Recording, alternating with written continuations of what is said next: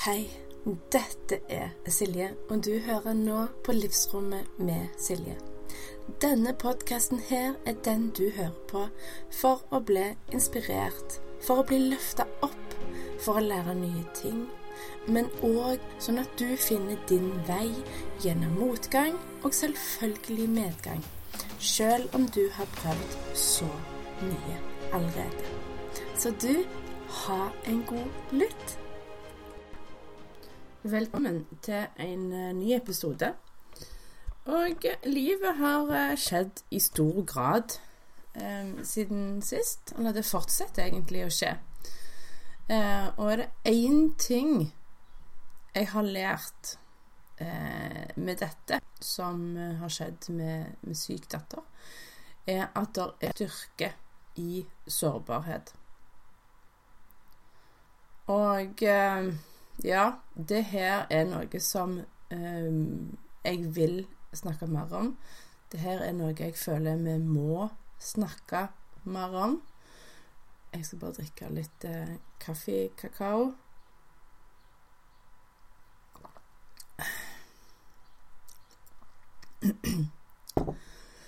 Det som jeg da har òg tenkt på i korrelasjon til dette her, er jo det at når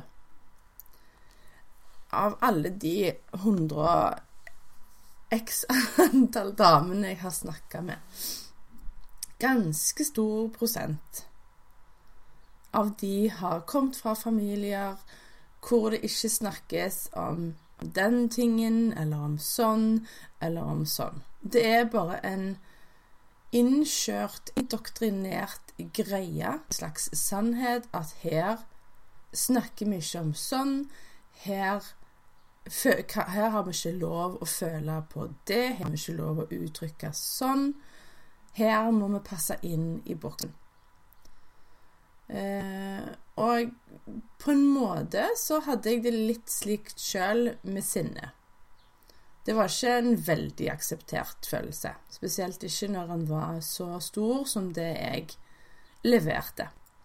Men jeg tror det iallfall i mitt tilfelle, og mor og far, gjorde det beste de kunne ut ifra de forutsetningene de hadde da. Så det er ingen klander, ingen skyld, ingen bebreidelse. Det bare er sånn. Og så er det mitt ansvar for å ta tak i min gruff, og forhåpentligvis la være å videreføre gruffen til neste generasjon, som fort kan skje.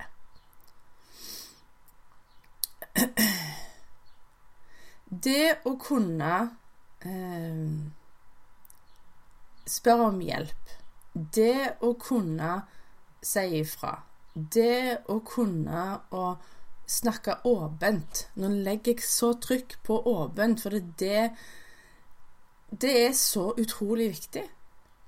Det å snakke åpent om det en strever med, det gjør ikke at du fjerner deg sjøl fra den relasjonen du deler det med, som du sjøl har valgt, men heller at du kommer nærmere. Du bryter ned barrierer med å være åpen.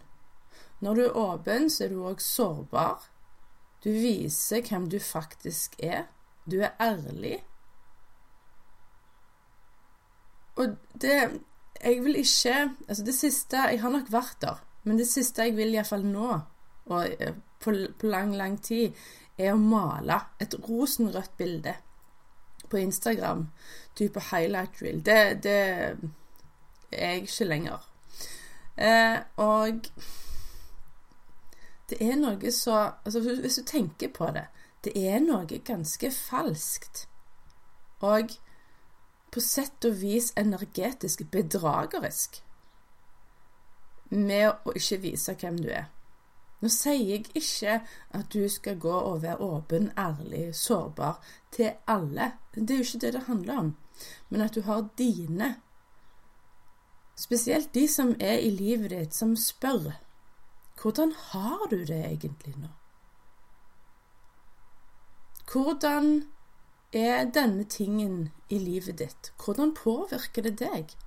Sånne spørsmål som går litt mer dyptgående. Hvis du bare avfeier Og liksom, nei, nei, det går fint. Ja, det går bra. Nei, ikke noe å snakke om nå. Det spørsmålet du da fikk, det er en invitasjon til å knytte tettere bånd, til å vise mer om hvem du faktisk er. For jeg tror i gjerne heldigvis varierende grad, men allikevel så er det litt trist, at nesten alle holder noe tilbake. Og det gjorde jeg i mange år. Jeg følte ikke jeg, jeg kunne være meg sjøl. Jeg følte jeg var for annerledes, for ulik. Jeg passet ikke inn. Eh, og masse greier som jeg hadde med meg fra tidligere. og det at man òg på en måte ubevisst har levd deler av livet sitt med lukka hjerte, det hjelper jo heller ikke på. Men bare den bevisstheten og den aha-et rundt Oi, dette har vært til nå, men jeg trenger ikke la det fortsette. Så jeg tenker det der å tie i hæl Det som blir tidd i hæl, enten det er sykdom, det er hjelp fra eksempelvis Nav eller slektninger Vi må snakke mer om de tinga som ikke har vært snakket om til nå. Og det jeg har fått høre egentlig i, fra flere coachingkunder og etter kursdeltakerne på stress og syklus, er det at jeg er en utvider. Og ikke minst på foredrag òg, faktisk. Jeg tør å snakke om de tinga som mange ser på som et tabu, som skambelagt, som noe vi ikke snakker om. Og da eksempelvis, i dette tilfellet her, så var det mensen. Det var blod. Det var smerter. Det var hensyn, og det var alt rundt syklus. Jeg ufarliggjorde å fjerne både stigma, tabu og skam med mitt foredrag. Vi må snakke, det gjelder på hele linja, hele linja. Vi må snakke mer om de tinga som vi til nå ikke har egentlig følt vi kunne snakke om. Er de sosialt akseptable? Men dess mer vi tier i hæl den tingen, eller det temaet, dess større vokser stigmaet. Så det å snakke om at ja, jeg er sykemeldt, jobben er for mye nå, det er for mye Og hvorfor er det på sett og vis et sånn um, gullmedalje eller badge of honor fordi du klarer alt sjøl? Og nå vil jeg egentlig bare hive ut noen ganske åpne spørsmål til din refleksjon og ettertanke. Hvorfor er det ikke så bra å spørre om hjelp? Hvorfor er det skyldbelagt eller skambelagt å rekke opp ei hånd og si at 'jeg trenger hjelp med det eller det'? Kan du hjelpe meg med det?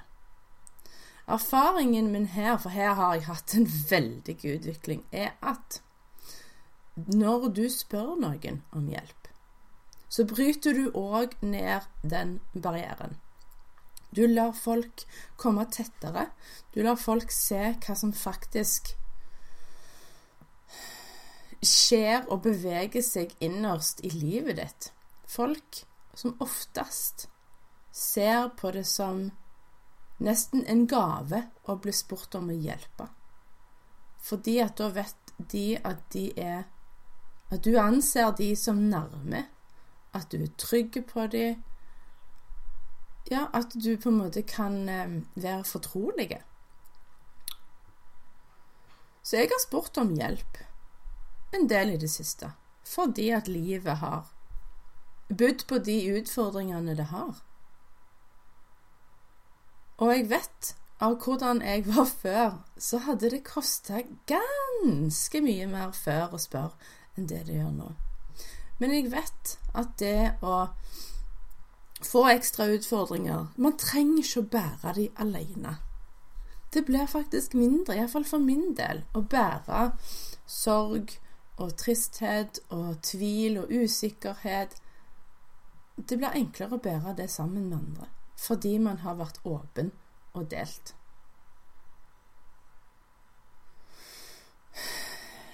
Ja, Så mot til å spørre om hjelp. Vi trenger ikke å klare alt sjøl. Vi er ikke lagd for å prøve å klare å gjøre alt sjøl. Da blir vi utbrent for lenge siden. Den der selvstendighetsgreia med at vi skal klare alt sjøl, det er jo flink pike opp i mente. Det er jo det det dreier seg om. Men flink pike er jo òg at man skal fylle opp, på, fylle opp eh, andre sine behov før en sjøl. Og som mor dreier det seg jo om prakt, utsagnet.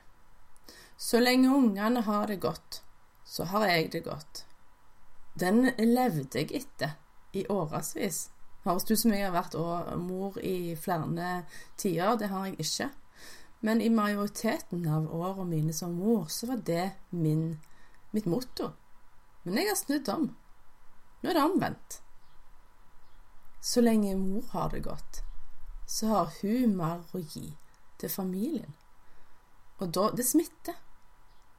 Ringvirkningene, det har jeg snakket om før.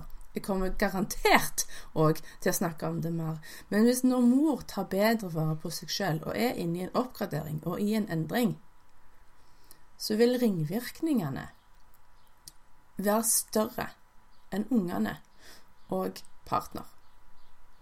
Det her er på en måte avtrykk som går lenger, og som òg setter eksempel som et forbilde for ungene når de ser at mora har det bedre, gjør det bedre for seg sjøl, setter mer grenser. Og det er òg noe utrolig viktig del av flink pike. Det å faktisk øve deg på å stramme inn grensene og vedlikeholde de. Det er ganske fort gjort å la noen tråkke over grensene.